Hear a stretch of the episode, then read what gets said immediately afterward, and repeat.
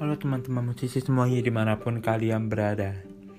Selamat datang kembali di podcast 5 Minutes of Music History with Pio Nama saya Laurentius Pio Cahyadi Dan pada hari ini saya akan membahas Curse of the Night Atau Kutukan Simfoni ke-9 Wah, cukup menarik ya. Nah, tapi sebelum saya membahas mengenai kutukan ini, tentunya saya akan membahas terlebih dahulu mengenai apa itu simfoni. Simfoni adalah karya untuk orkestra skala besar. Simfoni ini terdiri atas empat bagian atau empat movement.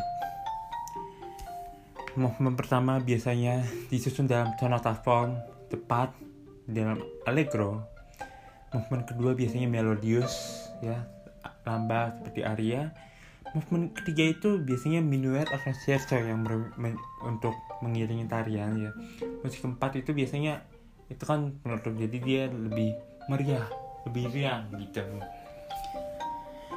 simfoni ini awalnya dikembangkan dan disempurnakan oleh Franz Joseph Haydn komposer dari Austria pada era klasik. Pada awalnya ia membuat simfoni itu hanya seperti untuk orkestra kecil, orkestra dengan anggota 15 orang ya, 15 sampai 20 orang. Dan simfoni ini hanya terdiri dari tiga bagian dan hanya berdurasi sekitar 10 menit. Setelah dengan beriringnya ber, ber, dengan berjalannya waktu, Haydn ini mengembangkan simfoni itu sendiri, menambahkan sesuatu-sesuatu gitu, dan akhirnya pada simfoni akhir-akhirnya dia telah menemukan struktur dari simfoni itu sendiri yang terdiri dari empat bagian. Haydn sendiri telah membuat sekitar 107 simfoni dan umumnya simfoninya itu uh, berdurasi 30 sampai dengan 40 menit.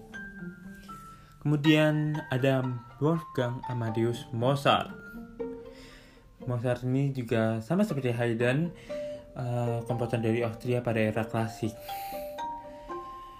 Dengan durasi simfoninya yang sama seperti Haydn sekitar 30 sampai dengan 40 menit, Mozart hanya membuat 41 simfoni karena durasi hidupnya yang cukup pendek yaitu sekitar 35 tahun dibandingkan dengan Haydn sekitar 77 tahun.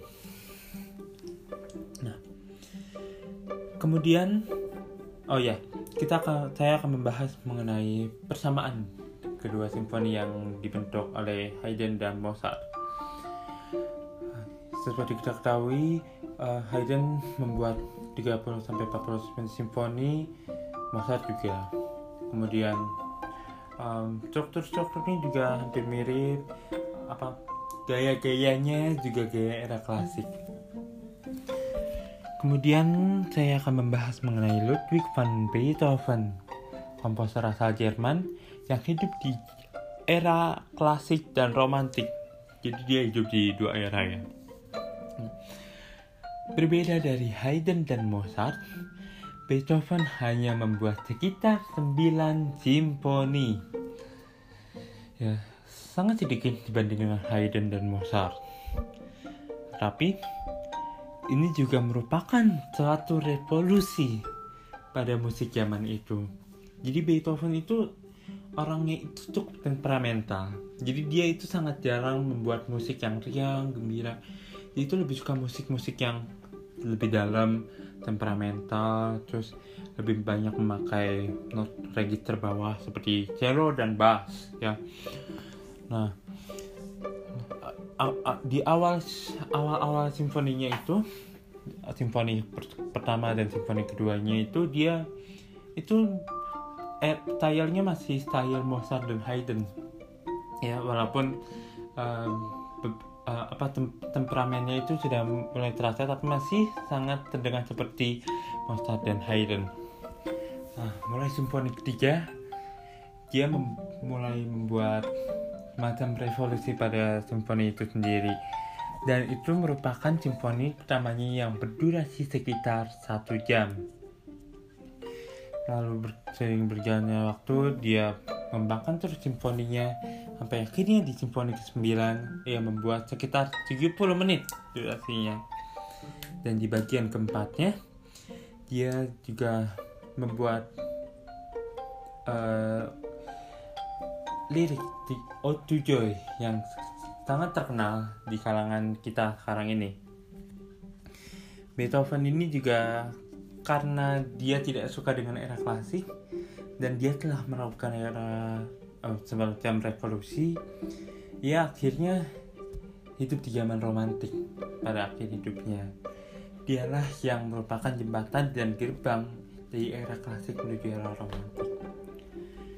Nah, kemudian saya akan membahas mengenai kutukan simfoni ke-9 itu sendiri. Eits, tapi ini sudah 6 menit nih. Padahal judul podcast ini 5 minutes with on music history with Pio.